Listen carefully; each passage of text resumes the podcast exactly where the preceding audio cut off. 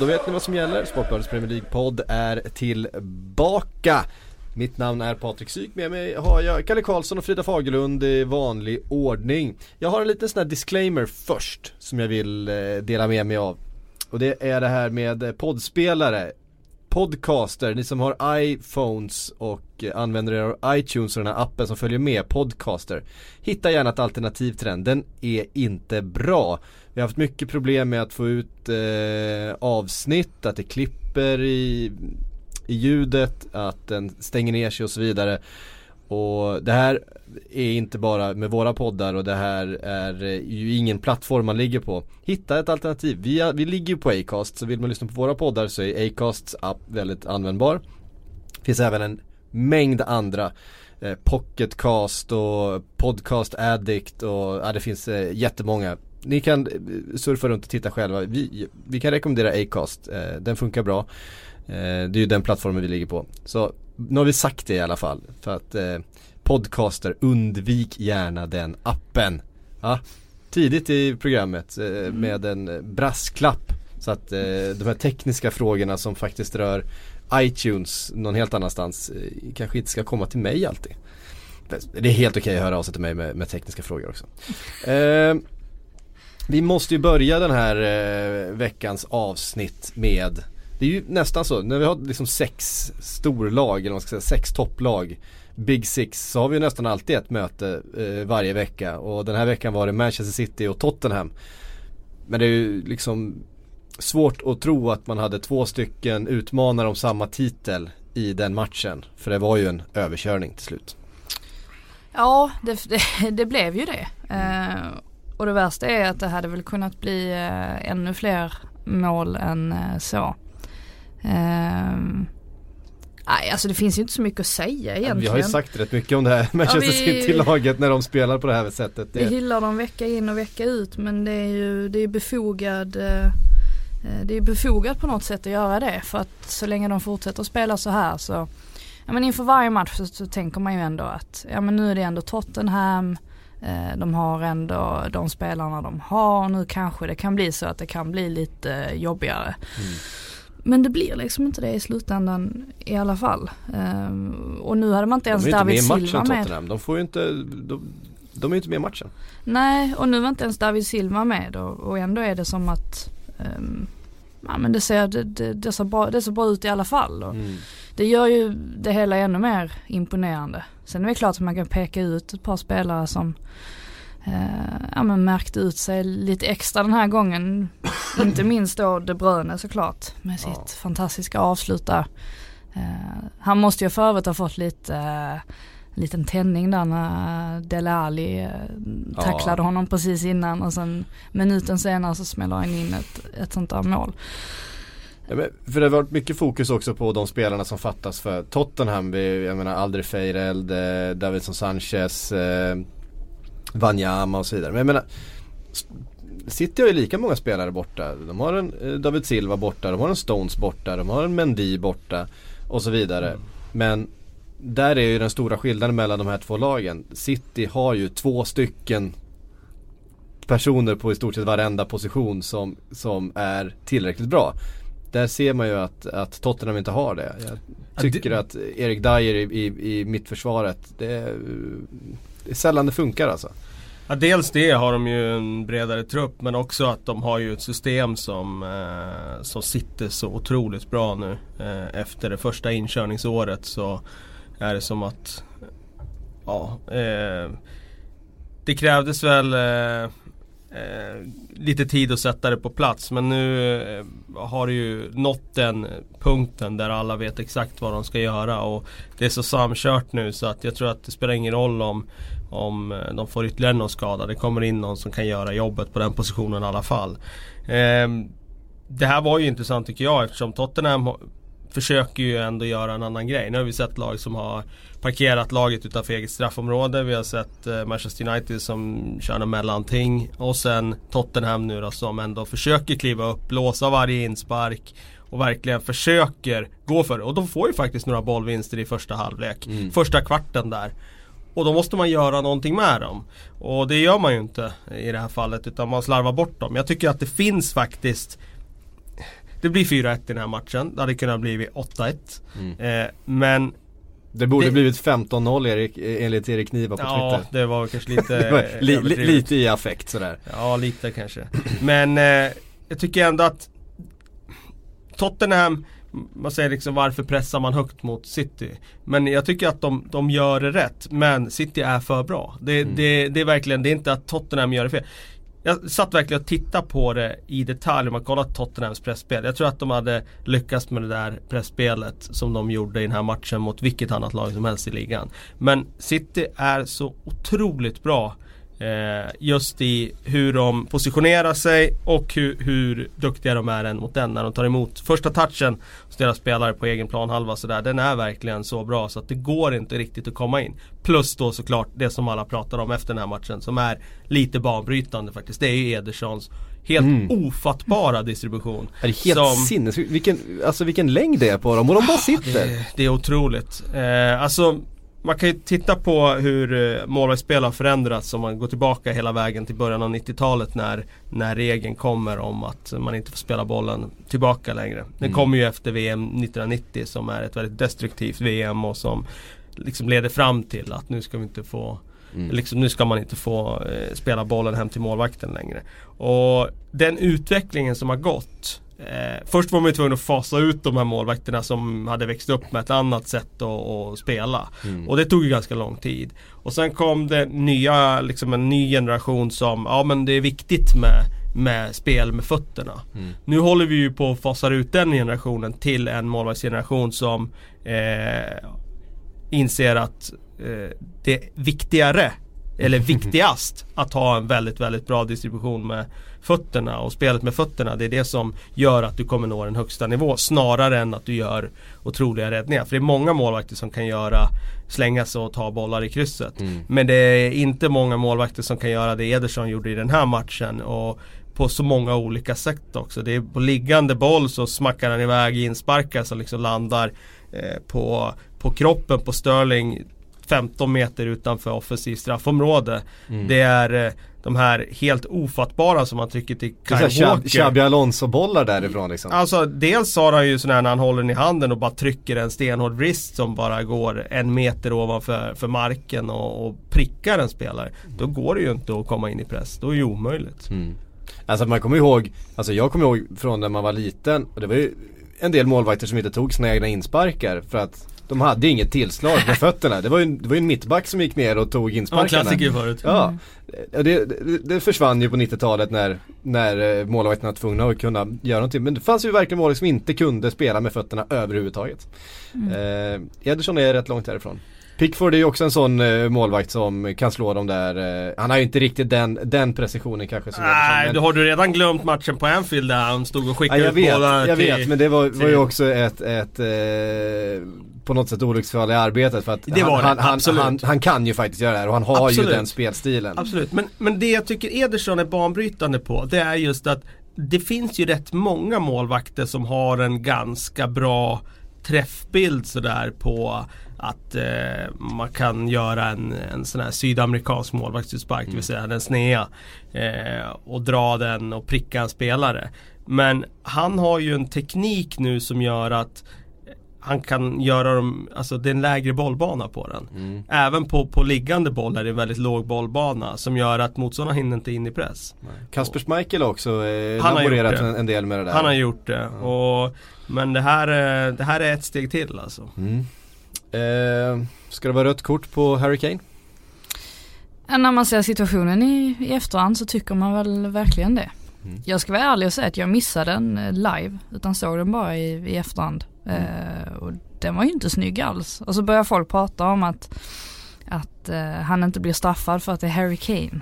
Eh, och det där kan man ju eh, ta som man vill men jag, för, jag kan ju förstå diskussionen bakom också. Eh, Eh, en snäll spelare som Harry Kane ses som kanske inte blir lika hårt straffad som en lite fulare John Joe Shelby ja, eller Arnautovic. Det Shelby som hade gjort ja, det, då hade ja, det röda kortet kanske Absolut. Alltså det där är ju vetenskapligt bevisat att spelare som har mycket tatueringar får fler kort än, än äh, en spelare som inte har det. Till exempel.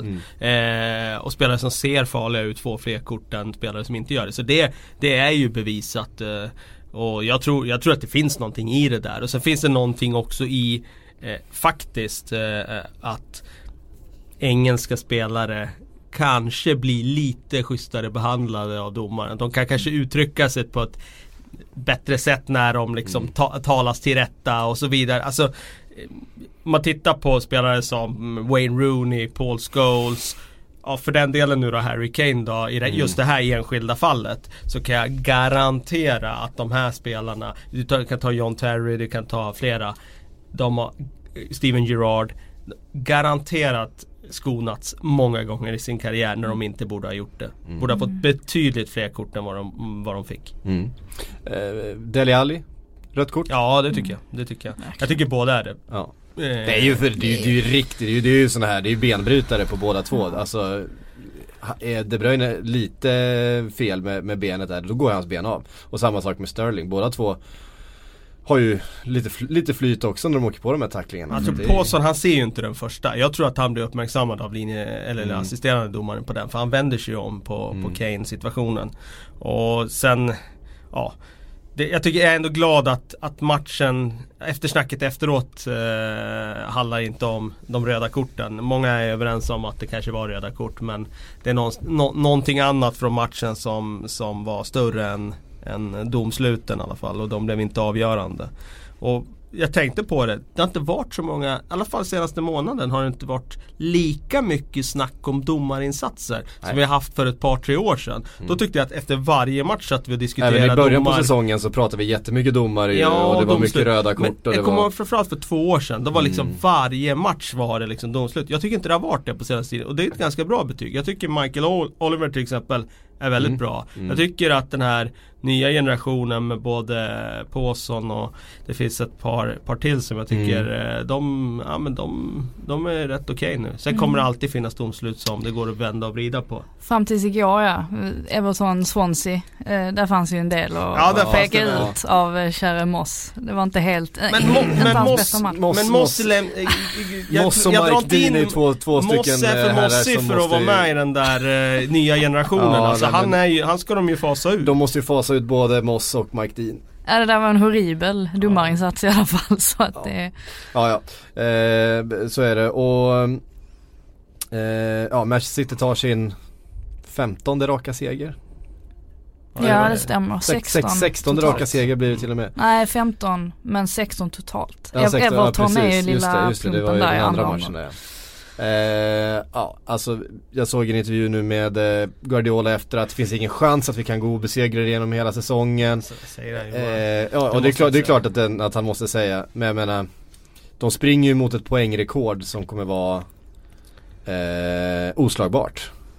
Ja, oslagbart. Det kommer ju alltid någon i någon framtid någon som gör det ännu bättre liksom. Men eh, det är klart att det de gör nu, det, jag såg någon lista där de hade i Sky Sports på antalet rekord de är på väg att slå. Sen mm. är det ju mm. ofta sådär att man gör mycket mål i sju omgångar så räknar man ut att om den här spelaren skulle göra, ha samma snitt mm. hela säsongen. Det håller ju aldrig. Nej, nej, nej. Men eh, det är ändå imponerande att det är så många rekord som de liksom är på väg att eh, i alla fall utmana. Det är ju både gjorda mål, det är poäng, det är antalet hemmasegrar, det är antalet bortasegrar, det är antalet eller måldifferens. Det, det är liksom allt möjligt och det, mm. ja, det är otroligt imponerande. Och mm. jag tycker också, alltså man tittar på laget. Liksom det, man landar för ofta tycker jag i Guardiola. Ja, man kommer till dukat bord och han kommer till City. Så kolla på den backlinjen de spelar med i den här matchen. Mm. Det är liksom Kyle Walker som var ofta kritiserad i Tottenham. Sen gjorde han en bra säsong, absolut. Men det var fortfarande att han hade sina fläckar och man sa att nej, men han, mm. liksom, hans inlägg är för dåliga och så vidare.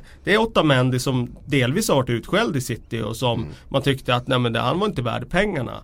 Det är Fabian Delf som vänsterback. Mm. Alltså det, det, är liksom en eh, spelare som... Det är Raheem knappt... Sterling som inte kunde göra mål före Guardiola kom in. Ja. Han gör två i den här matchen och har gjort, vadå, typ 13-14 ja, något säsongen. Sånt, något sånt. Utan han kan fortfarande inte skjuta och han och bränner ju två och öppna mål. Det är Sané som inte var en färdig spelare när han kom ja. till City som nu är eh, fullständigt briljant. Och det är eh, dessutom då liksom De Bruyne som, som är lite, måste vara en fri fågel men som har fått perfekt roll för mm. sina egenskaper. Så att det det landar ju i, i någonstans att eh, det här alltså, de Bruyne är fantastisk men den största stjärnan i Manchester City han sitter på bänken. Det är han som är i det här fallet liksom mannen bakom det här verket. Mm. Och det är väl det man menar också när man hyllar Pep. För som du säger så blir det ju mycket snack om att han har så mycket pengar, eller klubben har mycket pengar och att han kan få allting han pekar på. Men vi har ju sett många exempel på klubbar som har pumpat in en massa pengar och så har det ändå inte blivit bra.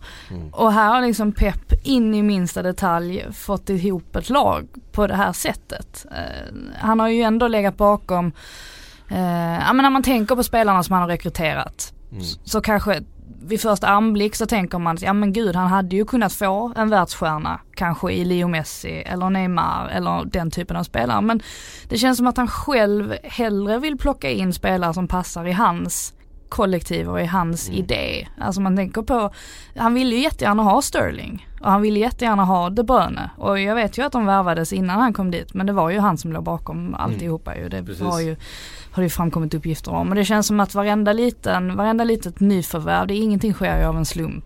Alltså Gabriel Jesus till exempel, där hittar han ett guldkorn. Och så plockar han in sådär en efter en och sen kan han ändå använda när han blir fast då eller när Stones blir skadad och han ändå blir fast med en massa gamla spelare så är han ändå tillräckligt skicklig att få in dem också. Sen ser vi ju typ en Delf göra ett misstag i United-matchen och sådär men överlag så, så fortsätter han också göra det bra. Det, det är ju det man hyllar när man hyllar Pep Guardiola. Sen förstår man ju självklart att det finns otroligt mycket pengar bakom det. Mm. Ja, jo, så är det ju. Och det, Men det finns ju fler klubbar. och det sagt. finns ju fler mm. klubbar som, eh, som har gått om pengar och kan eh, köpa vilka spelare de vill. Alltså, vi kommer ihåg Real Madrid under den största Galacticos-tiden när de hade alla de största stjärnorna i världen i stort sett. Mm. De kom inte upp på den här nivån. Nej, de vann Spel, inte titlar under de åren Nej. egentligen. Eh, eh framför, äh, inte under de här extrema Så allt handlar åren. inte om bara pengar. Nej så är det ju. Och... Det är klart att det är medlet som gör att du kan bygga på det sättet du vill. Att du, du kanske inte behöver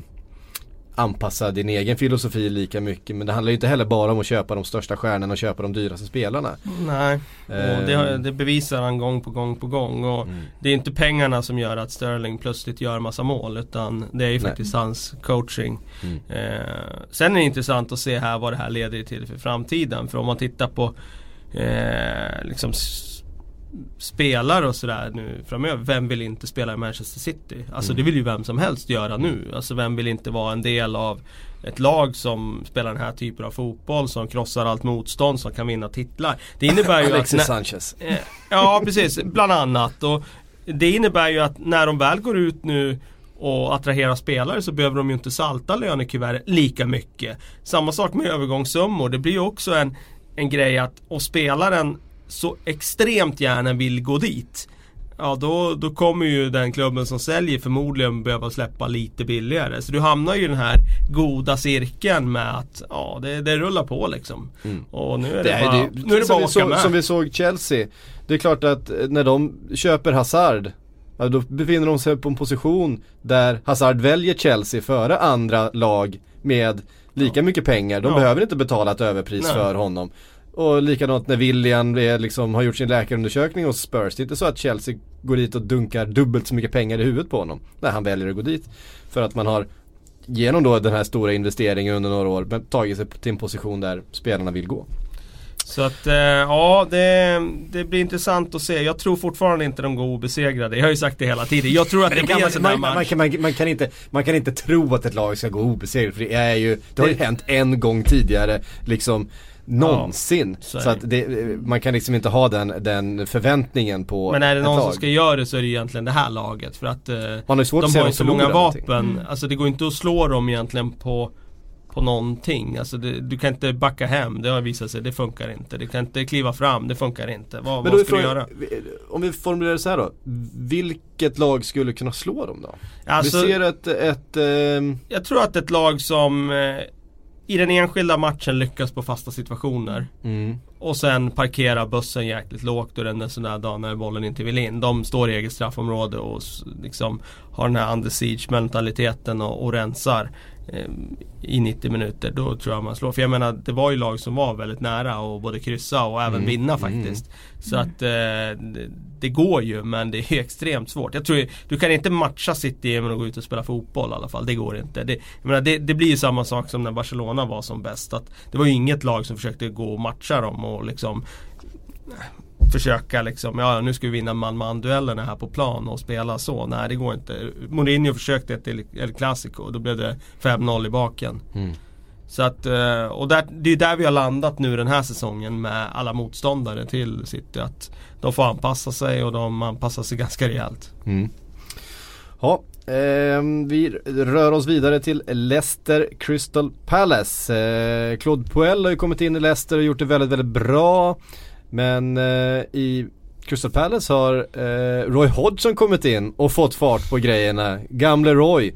Eh, och nu är det helt annat ljud i skällan. Benteke gjorde sitt första mål för säsongen inte minst. Och Wilfried Zaha fortsätter ju vara den, den stora stjärnan och en, en tung, viktig bortaseger för Crystal Palace som ju ser, fan de kommer med lite fart där. Mm, ja nu är de ju, ser det ju helt plötsligt hur ljust ut som helst. De har suttit och och eh, tittat på dem här nere i botten. Ja, men jag tycker väl att de har ju ett spelarmaterial som gör att man tänker att de förtjänar att ligga betydligt högre upp. Eh, exempelvis på grund av en sån som Saha som verkligen har kommit in och tagit, tagit lite ansvar mm. på något sätt. Alltså, det är ju den stora risken för dem. Nu kommer vi in i ett januari där ja. Där många lag tror jag tittar mot en eh, Wilfried Zaha och känner att den hade vi kunnat ha nytta av. Ja, särskilt eftersom man redan har gjort den där resan till en storklubb och kommit mm. tillbaka. Att de, då, gick det, då gick det inte så bra men eh, det betyder ju bara att det kanske blir bättre, betydligt bättre nästa gång eftersom att han har fått den där erfarenheten. Så det är ju självklart att det finns en risk att eh, han försvinner och då blir det ju helt plötsligt en annan situation. Men eh, jag tycker ändå Roy förtjänar lite cred ändå. Mm. Han har ju ändå lyckats eh, har lyckats med det han kom dit för att göra lite grann ju och få in lite mer stab stabilitet och plocka lite fler po poäng. Ja. Och tittar man på laget, man ser en Kabaj, man ser en Saha, man ser en Benteke. Men hur bra är Kabaj idag då? Det är han så himla bra? Alltså där går vi egentligen bara på namnet. Ja, jag tycker inte han har presterat någonting det senaste året för att vi ska lyfta upp han till någonting egentligen. Han är, han är okej okay, men inte mer. Mm. Jag tycker inte det. Eh, men Benteke Saha, absolut. Du, du har lite firepower längst fram mm. som som eh, andra bottenlag kanske inte har. Så ni, har ni sett, eh, när matchen gick väl så att man inte kunde se den va? Men mm. man fick se eh, highlights i efterhand. Eh, jag såg den i alla fall inte live men jag tittade på det i efterhand. Sahas, dels ju målet, hans överstegsfinter, alltså den kroppsfinten är ju fenomenal. Mm. Men på slutet så har han en sulfint i offensivt straffområde som är, som är magnifik som nästan blir som en omvänd överstegare fast han sular bollen på fel sida om försvararen. Serverar Benteke som faktiskt blir fälld, borde haft straff där. Okay. Men leta upp den, den sulan han har i offensivt straffområde, område, Zaha, för det, den, var, den var magisk faktiskt. Eh, jag gjorde en sån där grej att jag bara kollade på början av den där matchen. Mm. Eh, och eh, jag tycker väl i och för sig att eh, båda de här lagen är eh, ganska bra trend just nu. Mm. Leicester hade ju varit det, var det fyra raka segrar de hade innan den här matchen. Precis. Eh, och de är definitivt på rätt väg. Mares har ju faktiskt kommit igång. Nu var han inte så bra i den här matchen men det, det ska ju sägas. Jag har ju varit lite kritisk till han i höst här men han har ju faktiskt varit riktigt bra här några matcher. Eh, inte speciellt lyckosam i den här matchen. Men eh, eh, ja, när det gäller Ja precis. Men när det gäller Zaha så visar han ju framförallt med det där målet han gör att Ja det, det finns ju en dimension hos honom som är Ja den är hög. Mm. Verkligen. Eh, Ndidi får man ju också nämna har varit väldigt, väldigt bra för Leicester den här perioden. Mm. Eh, fick väl gult kort för filmning va? Det finns väl risk att han blir avstängd eh, i efterhand för den där filmningen. Eh, men eh, han är bara, är han 21? Ja, kan nog stämma. Det är ju, ja. Och, menar, det där är ju också en spelare som eh, jag tror många håller ett extra öga på för det, han spelar på en position där, där det inte finns sådär jättemycket. Och sen spelartyp som många letar efter och med den åldern och den resan han har gjort i, i Leicester sen han kom dit, eh, han är spännande.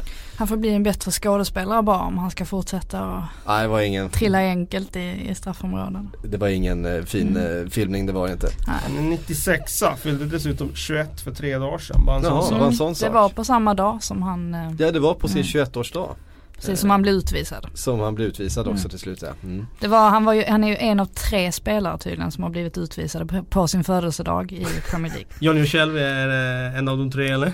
Ja det är mycket möjligt. Jag, Ja. jag hörde bara statistiken tre Ja, röda okej. kort. Eh, Lite oklart vem de här andra två är. Men eh, det var ju lite intressant. Mm. Eh, speciellt. Det var Leicester Crystal Palace, eh, Bournemouth tog emot Liverpool. Eh, och ja, det Den snackar ju- vi gärna om Vasip. Den tar vi, Ja. absolut. Eh, Coutinho eh, hade en sån här dag där, där Coutinho fick lite utrymme och var på spelhumör och då, då är han ju bra. Det, det är ju bara så. Eh, sen får vi väl se hur länge han fortsätter. Det känns lite grann som ett eh, avskedskalas på något sätt. Han kör väl den här säsongen ut då men det, det, det är varje gång, man, varje gång som Liverpool Sports man ser honom göra en sån här briljant grej så vet man att ja, det, vi, får njuta så länge det varar liksom. men så är det ju. Samtidigt när det gäller det där om jag ska säga någonting då som kan låta hårt. Men jag menar så där är det ju för alla supportrar runt Ja. om i hela världen. Förutom för de typ två klubbar, tre som står Mm. allra högst upp i näringskedjan. Mm. Men du har ju det där för alla klubbar Ja. oavsett nivå någonstans. Men det blir ju att när de här stora traditionsrika klubbarna då känns det lite värre Mm. i Liverpool än vad det gör för ett eh, Swansea eller ett Southampton Ja. som lever med det där hela tiden liksom. Ja. Eh, men vad är din känsla då? Det är att han stannar i januari eller? ja det tror jag. Eh, det finns ingenting för, eh, För Liverpool att sälja? för, liksom. för, för Nej. Liverpool att tjäna på att sälja Nej. honom nu och de har ju, stod emot hela sommaren och då kan de stå emot en, en januari. Ja. Eh, jag tror också han är fullt medveten om att han inte kommer bli såld nu i, i januari utan att det blir till, till Men sommaren. han i så fall. förlängde ju kontraktet. För men det finns, finns någon slags utköpsgrej i Nej. den eller? Och det vet du eller? Ja, det fin- han har ju inte förlängt kontraktet eh, sen han gjorde det för, förra vintern. Nej precis, förra vintern. Ja, och där Ja. finns ingen utköpsklausul enligt alla rapporter som kommit från eh, Nej det kanske inte finns en utköpsklausul men det kan ju finnas en annan typ av klausul. Om Barcelona kommer med ett bud så Nej det finns inget, inget sånt överhuvudtaget. Utan Liverpool sitter Då sitter på de ju i väldigt bra förhandlingsposition. Ja de gör ju det och det är ska ju, ha 3 miljarder kan de ju säga. Ja och det är det som verkar ha framkommit. De ska ha en och en halv miljard Ja, för Coutinho. Det är ju vansinnigt mycket pengar. ja. Ehm, och dessutom har jag kunnat, kunnat tvinga honom att stanna kvar i somras fastän att det kom bud ja. eh, som var väldigt, väldigt höga. Men de säger att nej vi har ingenting att tjäna på att sälja dig nu. Vi får lika mycket pengar för dig nästa år för du har fortfarande fyra år kvar på kontraktet då. Och man skulle nästan kunna vända det till att de skulle nästan tjäna på att hålla honom ett år till om man ska spela på det här sättet. Ja. Samtidigt är det, det är det där som är det svåra. Du vet ju inte om man spelar på det här sättet om han hålls kvar ett år till. Nej. Kolla på Southampton, nu ska vi kommer in på det senare säkert, men med, med deras situation med, med, Med van Dijk. med van Dijk ja. Ja. Men vi kan komma in på just van Dijk senare. Men just det där, håller du Coutinho ett år till, det är inte säkert att han är liksom, och det är ett VM, det är ett. VM i sommar du spelar in. Han är ju vicekapten i brasilianska landslaget efter Ja. Neymar.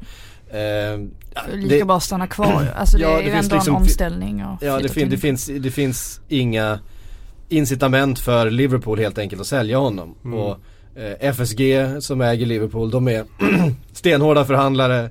De eh, är hårdnackade affärsmän från eh, den amerikanska eh, idrottsvärlden.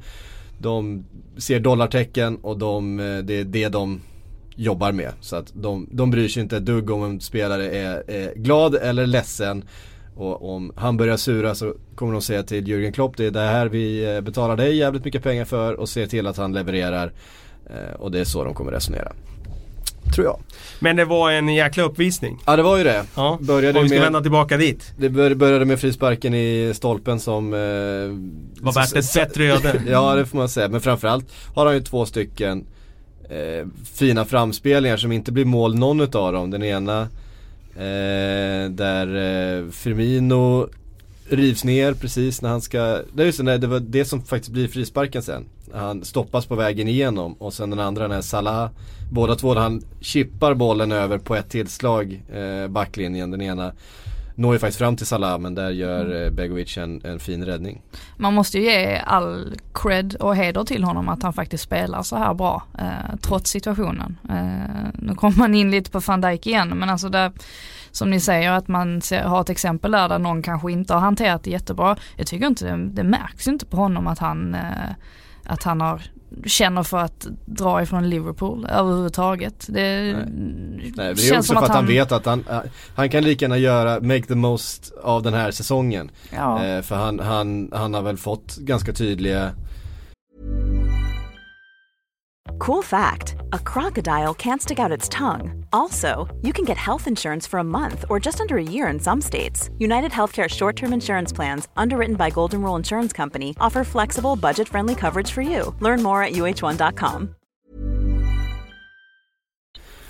Eh, besked från sin agent och från eh, ledningen och så här, det här är det som står i ditt kontrakt. Du, du, du, det här är din situation. Ja, och sen ska man ju inte, man ska inte vara sån heller, man fattar ju att börjar han spela dåligt så vill kanske till slut inte Barcelona ha honom. Och jag tror inte att han ju... vantrivs på något sätt i, i Liverpool. Det är det att han vill till Barcelona, inte att han är olycklig i Liverpool som en del andra spelare som har liksom vantrivts i sina klubbar och de vill bort av den anledningen och de, det funkar inte socialt. Han, han har ju bott i Liverpool nu i det, sex år. Um, han har ju liksom Han har ju ett liv där som Han kan fortsätta leva och, och må bra i tror jag. Han har kompisar i, i klubben och sådär och allting verkar ju flyta på. Det är ju det att Han drömmer om Barcelona. Och han, kom, han vet också att han kommer få uppleva det längre fram i karriären. Eh, så jag tror att, jag tror han mår rätt bra egentligen. Ja det, det, gör han ju. Annars hade han inte presterat på den här nivån. Alltså så enkelt är det ju. Ja. Eh, det, sen är det det där. Ska man hylla en spelare som gör det som förväntas av dem. Det vill mm. säga spelar för den klubben som betalar ja, mm. Spelar så bra de kan för den klubben som betalar deras lön. Eller ska man såga de som inte gör det. Mm. Jag landar ju mer i att man ska såga de som inte gör det. Sen vet jag också att det är inte så himla lätt om du inte trivs, om du inte liksom eh, mentalt är där. Då, då är det svårt att prestera. Det handlar ju om professionalitet och det handlar om mental styrka liksom. Och det är ju två stycken egenskaper som också är värda ganska mycket. Um, det finns ett jättebra exempel i Liverpool just med James Milner som kommer till klubben i hopp om att få spela centralt mittfält och få spela vänsterback en hel säsong säger inte ett ljud om det. Det är liksom, och han är ju på något sätt, han är ju arketypen för det här han proffset. ja liksom, det får man ju säga. Eh, och som har den, här, den mentala styrkan och allt det där. Han är ju ett bra exempel på just det. För han har ju verkligen inte i sin karriär alltid fått som han har velat även Nej, om han har spelat för stora klubbar och sådär. Men... Han hade ju ett eh, väldigt tydligt exempel när han lämnade Aston Villa. Och mm. Affären var klar, han skulle göra sista matchen för Villa. Och det hade väl varit lite sådär eh, ja men från fans håll har det varit lite kritik mot honom vi skulle gå till Manchester City. Men det han avslutade med då det var ju att göra en man of the match insats på hemmaplan då. Så då blev mm. han ju hyllad liksom i den mm. matchen. Och det sa ju en del om honom såklart. Ja. Eh, och det, han, ju, han blir ofta det exemplet. Mm. Det är ju det är ju så. Är det nu du ska göra en segway till en annan spelare som jättegärna vill spela central mittfältare som du ville hylla extra mycket? Ja, äh, Oxlade Chamberlain ja. äh, var väldigt bra, bra där, Du får ta över som programledare ja, Frida. Äh, var bra segway, jag hade faktiskt inte, jag hade faktiskt inte den äh, precis tanken men, men den tar vi. nej men var, var väldigt bra. det kan man väl göra ja.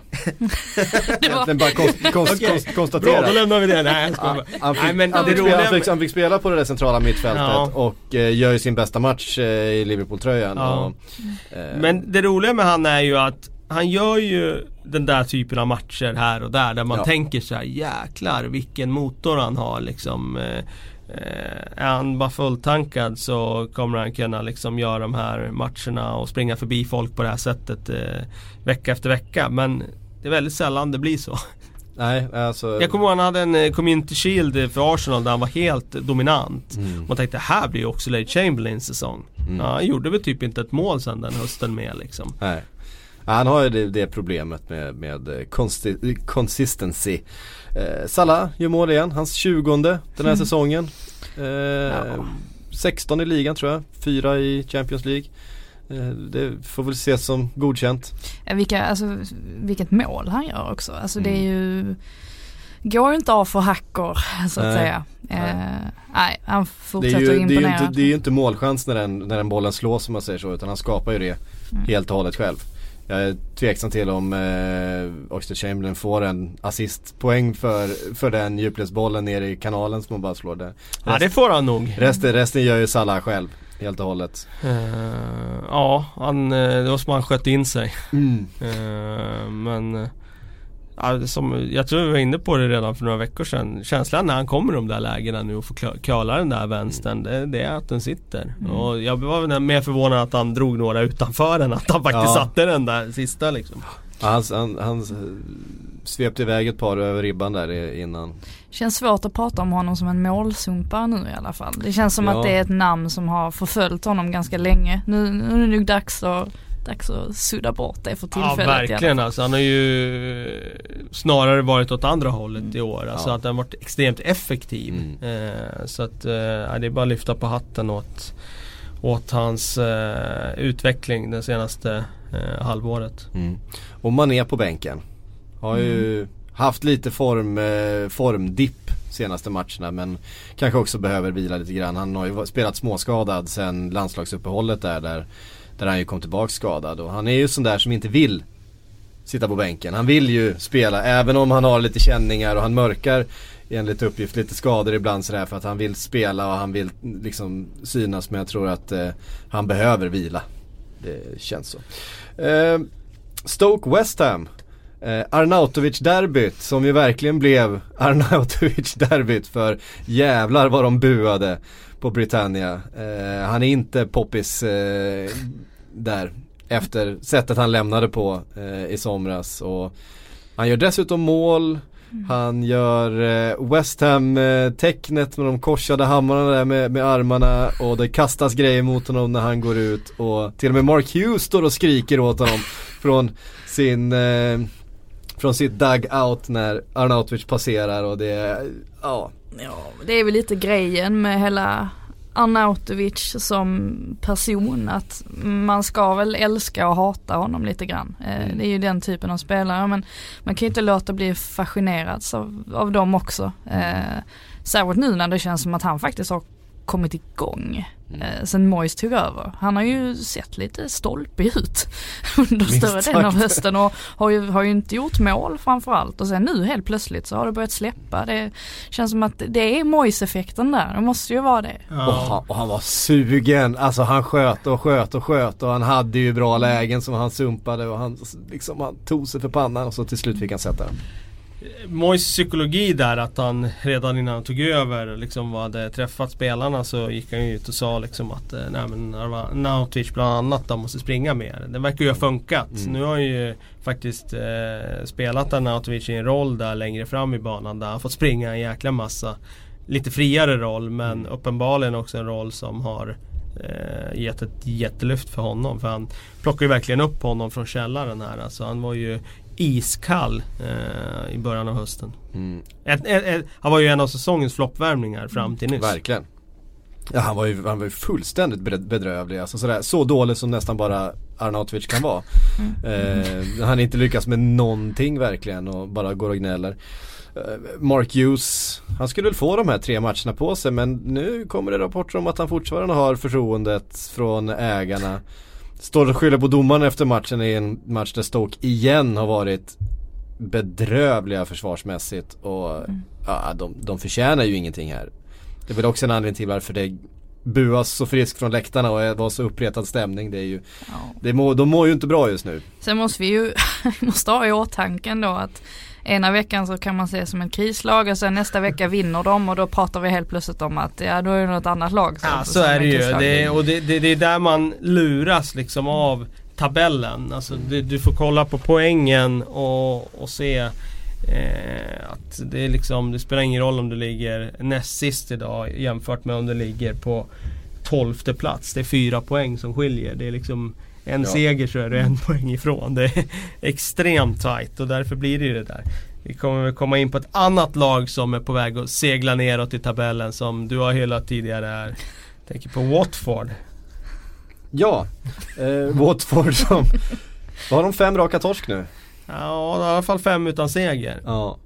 Eh, och gick på pumpen rejält mot Huddersfield i, eh, i helgen. 1-4 mot Huddersfield som vi har dömt ut och sagt att nu är smekmånaden över. Ja det är den ju i och för sig för deras del också. Det är den ju faktiskt. Det har ju Eh, varit ganska länge. Ja, och ett eh, Watford som... Och det säger ju en del om Watford. Ja, åkte på en utvisning på, eh, vad heter han? Eh, Troy Deeney. Troy Deeney ja. eh, Och de hade liksom, de kom aldrig in i matchen efter det utan rasade Nej, ihop de var ju redan ur matchen då för de låg ju under med 2-0 redan vid utvisningen. Eh, Det säger väl någonting om, eh, om Watford som klubb det här att nästan alla tränare börjar ju väldigt lovande där. Om vi kollar på Kiki Sanchez Flores, om ni tittar på Walter Massarri, om du tittar på Marco Silva. Så det är ju samma trend egentligen. Man börjar bra, eh, blir hyllad under hösten och sen går det utför och sen får man gå. Och de fick ju gå efter ett år. Eh, och vi får se här vad som händer i vår men jag har ju aldrig riktigt varit övertygad om Watford den här hösten. Jag tycker inte de har superbra lag. Därför tycker jag det var imponerande av Marco Silva att han fick ordning på det så Mm. fort. Eh, och Ja, de har ju ett par spelare som har stuckit ut och gjort det har väldigt de, mycket det för har dem. de definitivt. Men eh, nej, jag, jag, jag vågar inte säga var de hamnar i tabellen. Det kan vara både fågel och fisk fortfarande. Mm. Det känns ju också som att långsiktigt så är det kanske att föredra om man inte har det här eh, spelarmaterialet som storklubbarna har till exempel. Att, att det är att föredra att spela som Burnley då till exempel. Alltså att det, det är mer tacksamt och det känns som att det kan, det kan räcka längre eller hålla längre rättare sagt. Eh, ska man spela så här lite, lite roligare fotboll som Watford ändå har ambitionen att göra så kanske verkligheten gör sig påmind till slut. Att man inte kan rotera spelare och man, man har kanske inte den kvaliteten ändå som eh, gör att det håller ända fram. Liksom. Mm. Um, vi får säga någonting om eh, Arsenal Newcastle också. 1-0 bara får vi väl säga för uh, Newcastle. Eh, om vi då ska stämpla kris på lag så är väl Newcastle definitivt ett utav dem. Ja, och där kommer vi till det där med hur man uppfattar en tränare. Alltså Benitez kommer ju undan hela tiden nu med alla de här liksom bortförklaringarna om det är ditt och datt och så. Ja, han har ju knappast haft någon enkel situation liksom. Eh, och så är det ju. Han, eh, den st- stora boven här är ju såklart ägaren och sättet klubben drivs på. Men jag menar, det var inte så länge sedan. Det var någon månad in på säsongen när alla hyllade Benitez och sa att Newcastle är liksom Ja eh, nu, nu har de liksom rasat ner till en situation där de kommer få slåss om kontraktet. Och ja, ja, känslan är att de har inte så bra material. Eh, så att det är där nere de hör hemma. Nej precis, och smart av Benitez också att sitta och säga detta hela tiden. Alltså varje vecka sitta och säga att vi kommer vara där nere och slåss.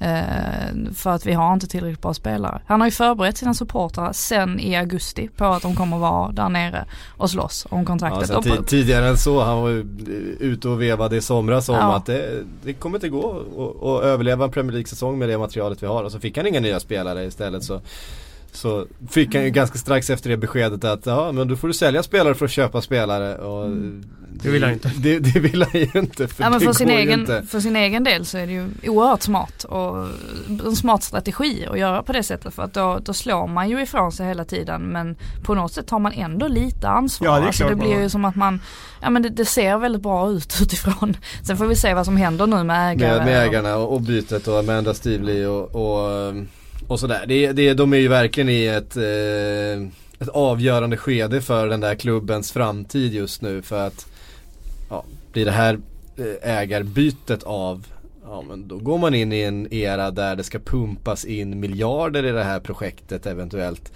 Eh, och då ser vi någonting annat helt framför oss. Eh, men där är vi inte riktigt än. Nej, där, Mike, Mike, Ashley, han kan nog han håller hårt i klubben fortfarande. Ja framförallt så vill han ju ha väldigt väldigt bra betalt Ja, för den och det Ja, vi får se vad som händer. Ehm, Arsenal då? Det var en, viktig trea ändå för att, eh, för att hänga med där uppe. Eh, Chelsea vinner, Liverpool vinner Det är ju trots allt bara fyra platser som eh, det handlar om om man vill eh, spela Champions League nästa säsong eh, för Arsenal Viktigt att hålla Burnley efter sig. Mm. Ja, det, Jagar Burn, en poäng bakom. Burnley kommer inte hålla hela vägen men eh, det är kul att de är med där. Klämmer sig in mellan eh, Londonklubbarna. Ja. Um, Nej Ja. men vi får väl hylla Özil för hans drömmål där. Ja, det var ju faktiskt, fantastiskt. eh, utförande av högsta snitt. ja. Mm. Eh. Det kändes lite kul också, bara sån där när man tänker på Sanchez och Özil. Om man tittar tillbaks i somras, då kände man att, eller kände som att Sanchez var så långt mycket viktigare än Arsenal. Men jag tycker Özil har visat under hösten att han är ju minst lika viktig. Eh, när han är bra så är han ju riktigt ruggigt bra. Mm. Eh, och jag, jag vet i sommar så snackades det om att det inte var så många klubbar som kanske var sugna på att köpa honom. Men nu känns det ju helt plötsligt som att ja, nu ska United ha honom. Men nu är det som att han har, han har fått ett uppsving. Eh, trots att vi visste att han redan var bra så har han ändå fått ett litet uppsving i, Mm. i sin ja, approach. Han verkar ju må bra nu också Özil. Eh, Han har väl skrivit på nytt kontrakt. Eh, Med Arsenal, vad det ryktas om i alla fall. Har han? Eh, ja, det, det, det pratas en hel del om det. Eh, Det har inte blivit bekräftat än men, men eh, Nej, det här han ska är- gifta sig. ja eh, okej. Bland Han annat, skriver bland, på annat, nytt kontrakt. bland annat i Sverige. Ja, det, det rykt, ryktet säger att han ska ha tackat ja till att eh, till 300 000 eh, pund i veckan. Jaha. Jaha. Eh, och blir då Arsenals bäst betalda spelare Ja, någonsin. sign. Eller will sign a new contract. Ja vi får se. Vi får se, men det är i alla fall vad eh, rapporteringen eh, säger just nu. Eh, Och det är klart att en Özil som mår bra istället Mm. för en Özil som går och surar, det är ju två helt olika saker. Så är det. Vi vet ju vilken nivå han kan hålla. Det där bröllopet ska väl delvis eh, hållas i Sverige också, vad eh, det viskas om. Jaha Vi du. får väl hålla utkik här den närmaste du- du månaden sitter på så mycket eh, information. ifall han dyker upp på en eh, lyxvilla någonstans eh, eller kanske någon, hyr en herrgård någonstans. Och, Ja. vinterbröllop i Sverige. Har han en svensk flickvän? Eller vad? Jag tror det. Jaha. Jaha, han? Han också. Känns som också. alla har. Juan Mata har väl också en Ja. svensk flickvän. Figo. Ja, Okej det var inte så många. Det var, det var nu är tillbaka på, spelar långt tillbaka. Nej det är många som har det, så är det ju. Det, Ja, jag, jag, jag, jag vet inte men jag utgår ifrån det eftersom de, de skulle väl ha, ja, jag, jag, jag läste att det var någon som länkade in mig på eh, en Instagram eh, post från hans eh, ja, Det är mycket nu alltså, Ja. herregud. Jag, jag har det inte framför mig så jag ska inte, jag, jag stannar där. Ehm, Chelsea Southampton 1-0. Ingen Morata. Men seger ändå. Alonso. Ja.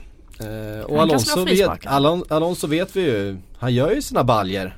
Ehm, har ju räddat en hel del poäng för, det där, eh, för den klubben. Mm. Och en eh, Conte som, ja vi inte riktigt vet vart vi har nu men eh, Nej men han skruvar ju, redare också. fortsätt, Alltså jag tycker jag är imponerad av Conte. Det har ju varit jäkligt storm i sommar, det liksom kom in i säsongen. Jag trodde det skulle storma betydligt mer än vad det gjorde i början. Alltså att det skulle påverka resultaten mycket mer än vad det gjorde. De är ju med där uppe liksom. Mm. De är där, där och slåss om det. Och det enda som egentligen gör att de inte utmanar om titeln det är för att City har seglat iväg. mm. Och det gäller ju egentligen både eh, United och Chelsea. Alltså deras poäng liksom facit är ju starkt. Mm. Eh, men det finns en, en spelare här som, som har gjort det ohyggligt bra.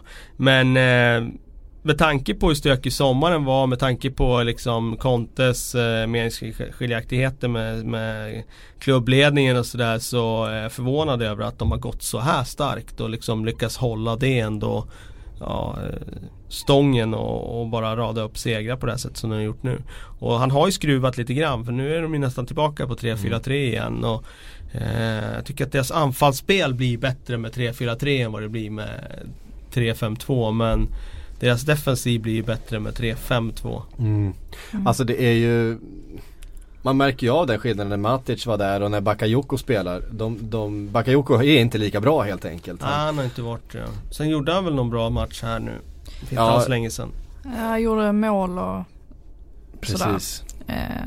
Nej men jag Men det blir, med inte samma, det blir inte samma trygghet på, på mittfältet där när han Nej. spelar som det var understunder förra säsongen när man när Matic och Kanté helt enkelt bara inte släppte någon över bron och så fort de grävde loss de där bollarna så hade de också kvalitet att sätta igång spelet med liksom. Det, jag tycker Bakayoko kan s- saknar lite utav båda de två sakerna faktiskt. Ja absolut men eh, sen tycker jag det ska bli oerhört intressant nu under januarifönstret och se vad som händer. Just eftersom att det har snackats om att Conte, ja om man ska bli kvar eller om han ska lämna eller mm.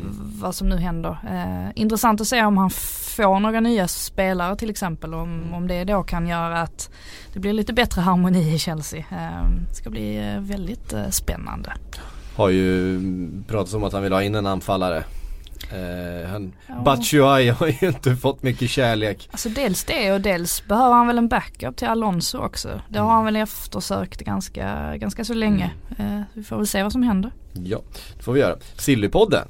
Eh, hade premiär igår, tillbaks imorgon igen. Det blir mycket Sillypodd här eh, veckorna framöver så alla, alla sådana frågor hänvisar vi dit. Sen är det intressant tycker jag med Hazard som är i helt otrolig form just nu. Han var ju fruktansvärt bra borta mot Huddersfield. Men han gör inte så mycket poäng. Det kommer inte så mycket ut i, i andra ändan men Alltså spelmässigt så är han ju fullständigt eh, briljant. Eh, han hade väl mot Huddersfield där borta. Han har satt där 10 klacksparkar och varav 9 i cam. Mm. Och det ser så naturligt ut när han gör det hela tiden. Det är som att han lekte fotboll där. Och, eh, men som sagt eh, poängfacit jämfört med De Bruyne jämfört med Salah och så vidare är inte lika bra. Nej, och det, det blir ganska tydligt också när Conte hellre sätter upp eh, Hazard högst upp istället för att spela Batshuayi. Det, det, det säger ju otroligt mycket att han han litar ju uppenbarligen inte på sin backup i Batshuayi. Eh, så att givetvis behövs det ju någon som kan eh, ersätta Morata när han inte, när han känner sig lite sliten eller sådär. Mm. En match till som jag tänkte vi skulle eh, prata om innan vi går på lite frågor. Det är eh, West Bromwich mot Manchester United. Eh, Pardew som inte har fått någon eh, riktig Pardew-effekt på eh, Baggis som eh, eller Bag West Bromwich som eh, förlorar igen men det kändes som att de i alla fall var med i den här matchen och att Manchester United släpper ju in dem till slut. Ja, det gör de ju. Sen, sen vet jag inte om man är lite hård ändå mot Manchester United jämt och ständigt. Men det är ju trots allt för att man har, man jämför dem per automatik med, med Manchester City och man, man vill liksom att de ska vara med där uppe och utmana, eller man har de förväntningarna. Men jag, jag håller väl med om det som Conte sa efter, efter sin presskonferens, just det här med att Eh, nej men att vi hade inte tittat så mycket på, eh, vi hade inte pekat ut så, så, mycket, så mycket negativt i de här andra storklubbarna om det inte hade varit för City. Nej så är det ju. Så är det ju. Eh, och på något sätt blir ju det hela tiden signifikativt. Eh, och de är ju med, här har de ju kontroll under matchen i 75 minuter. Och sen är det ju mm. sista kvarten där, där de ja, jag vet inte riktigt vad som händer. De tappar koncentrationen, de trycks tillbaka lite, West Brom ligger på. Men i övrigt så tar de ju ändå tre poäng i slutändan ja, och resultat är ju allt i ja. den här jag, blev, jag var väldigt förtjust i Lukakos eh, mål. oerhörd kraft i den nicken, alltså spänsten och sättet han tar sig in framför. Och nu är det ju Kieran Gibbs som ska försöka försvara dem där och snacka om eh, överkörning. Ja, alltså.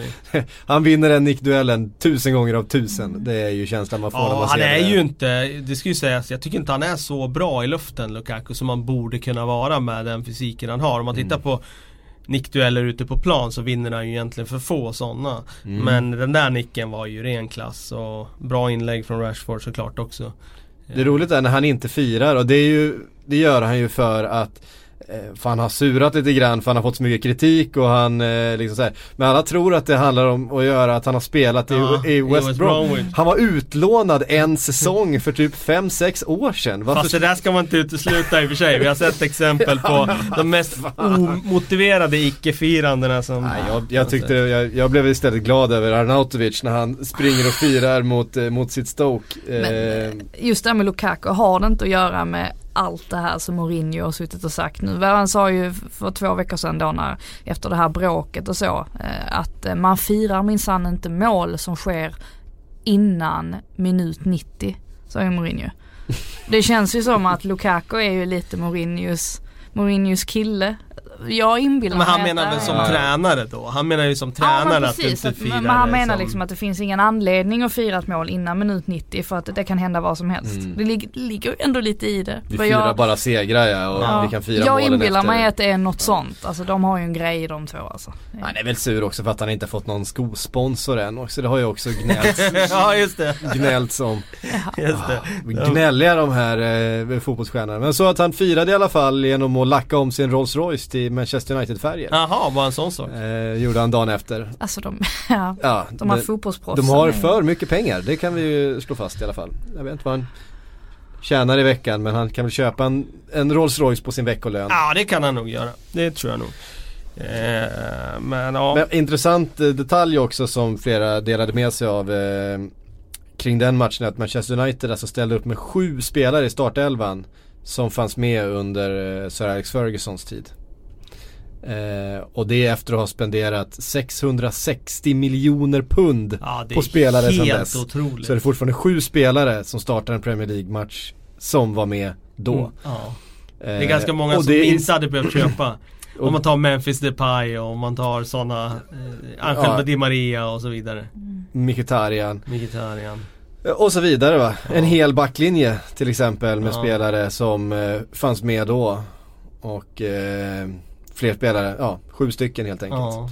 Det är en, ja eh, det är, det är extremt faktiskt. Det Det är är, verkligen faktiskt det. extremt. Mm. Och då står de här och i den, vi gjorde Sillypodden igår och det är Manchester United vi pratar om i stort sett varenda mening för att är det spelare som ska till och från Ja. och det är liksom, Ja, det är de är som det. ska handla mest liksom. Ja, nej det är inte så. Ja, sen till Mourinhos försvar just så har ju inte han värvat in jättemånga spelare. Får man ju ge honom.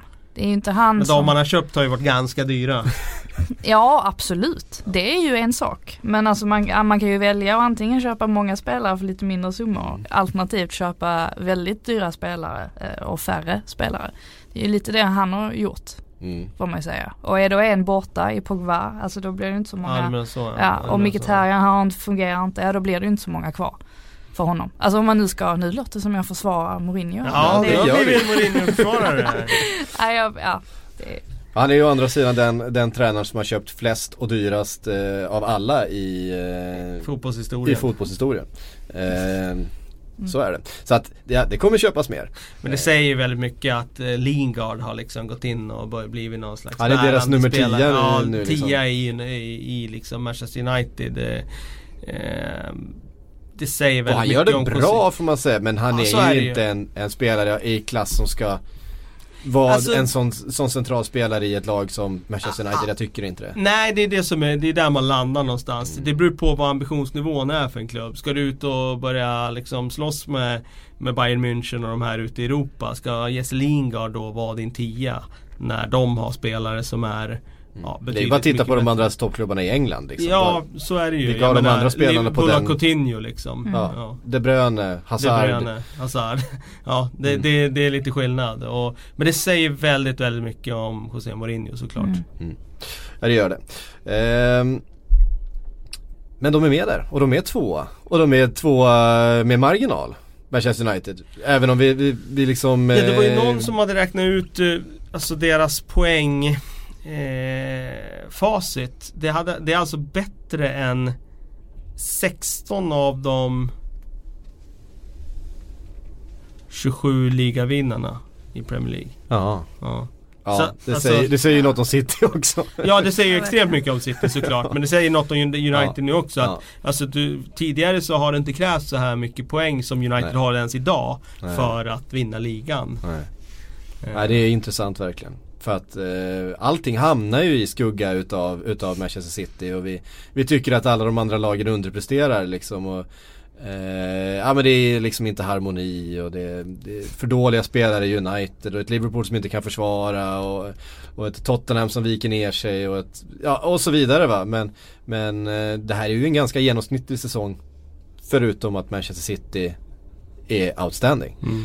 Eh, så är det. Det har en massa frågor. Kör. Vi har fått från eh, Sebastian Persson till exempel. Varför envisas gubbjäveln Wenger med att byta ut Lacazette i 70 minuten hela tiden? Han har ju inte lirat Europa League eller någon cup. Borde man inte låta han spela 90 efter 90 för att ingjuta ett bättre självförtroende?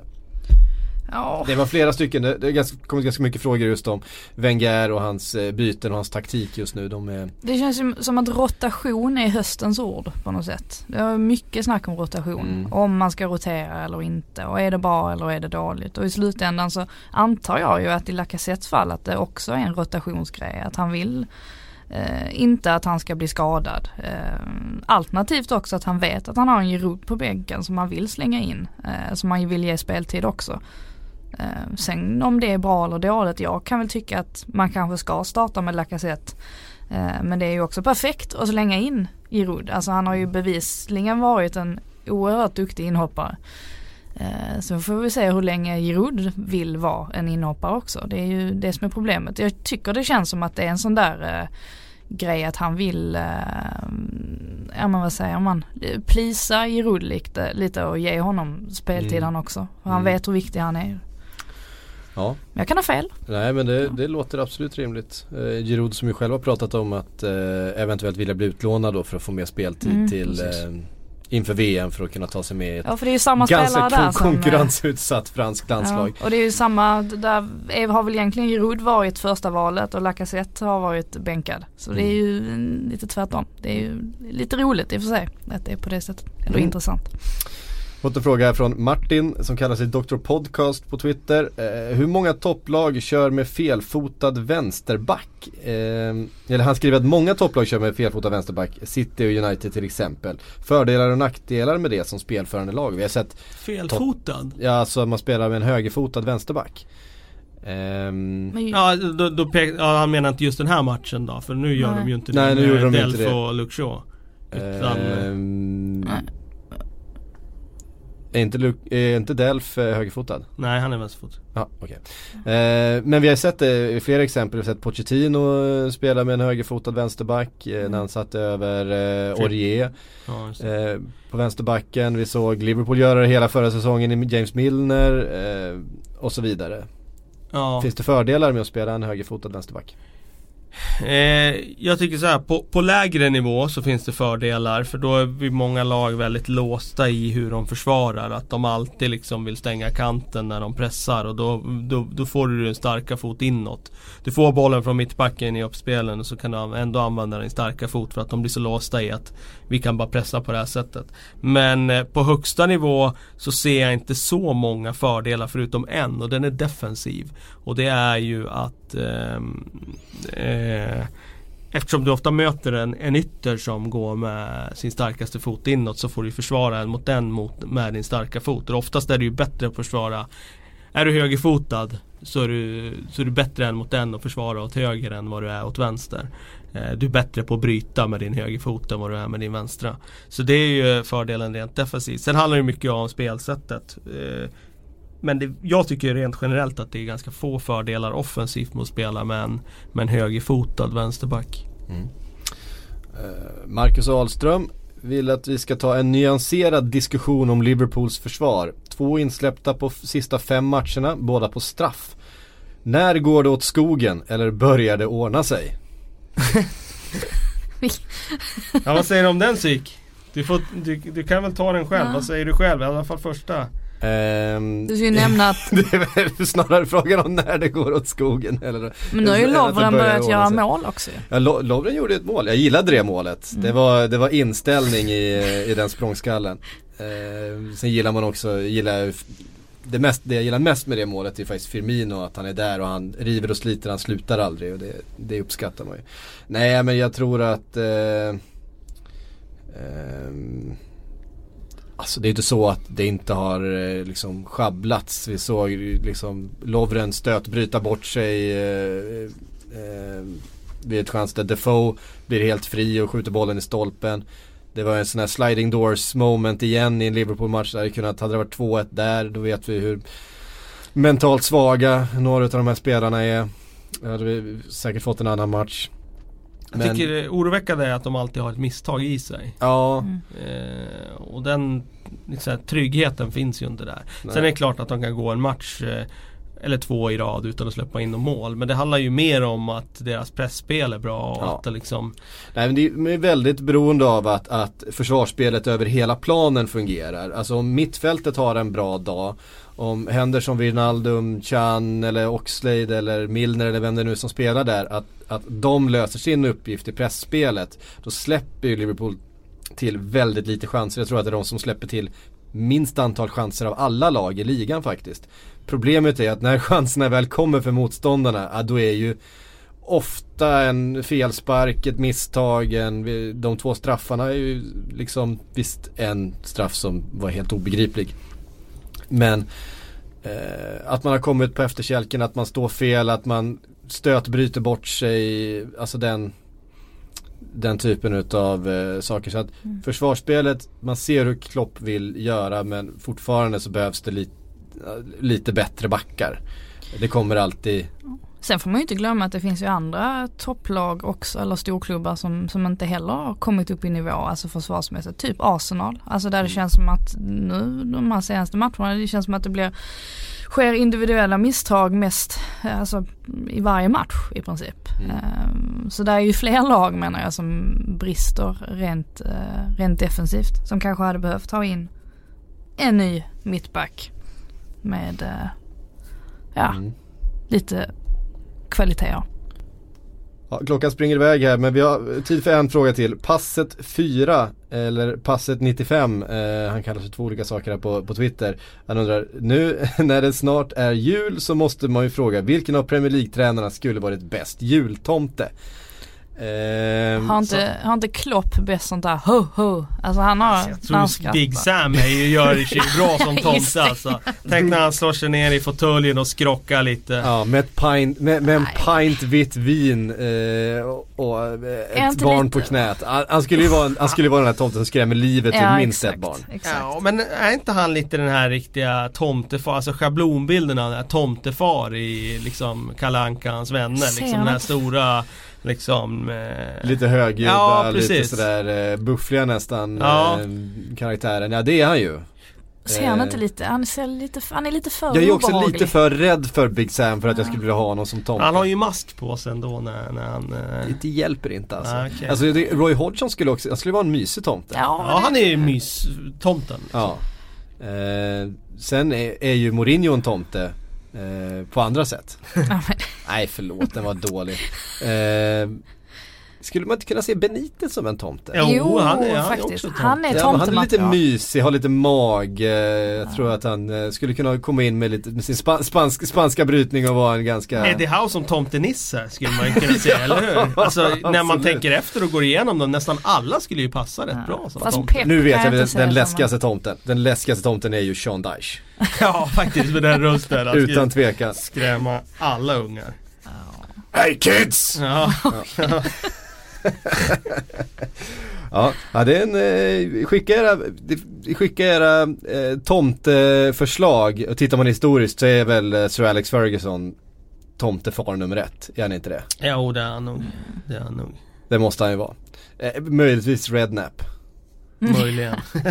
Men han är lite nisse Det finns också. många bra tomtekandidater här. Jag tror Ja. att vi har något på spåren alltså. Tänk om de skulle ställa upp och vara tomtar runt om i, i England liksom till Ja. barnfamiljer. Vad populärt det skulle vara. Nej det måste ju ha hänt. Jag har en bild om inte Wenger har Ja. liksom ställt sin tomteutstyrsel någonstans som man har sett för en massa år sedan. Någon sån här charity event liksom på något barnsjukhus Sjukhus, eller något sånt kan där. Att han, Att han var utklädd till ut- tomte då. Utklädd till tomte. Ja.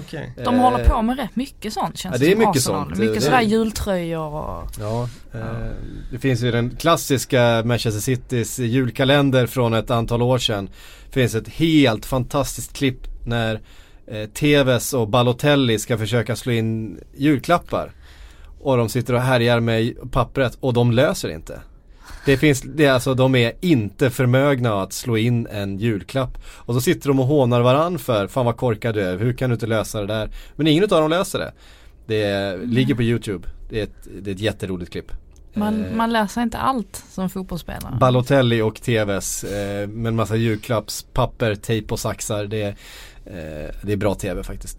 Hörrni, eh, god jul på er för att eh, nästa vecka blir det ingen podd, då är det mellandagar, då eh, är vi lediga och gör annat. Vi är tillbaka om två veckor igen. Eh, tack för att ni har lyssnat och så god jul på återhörande.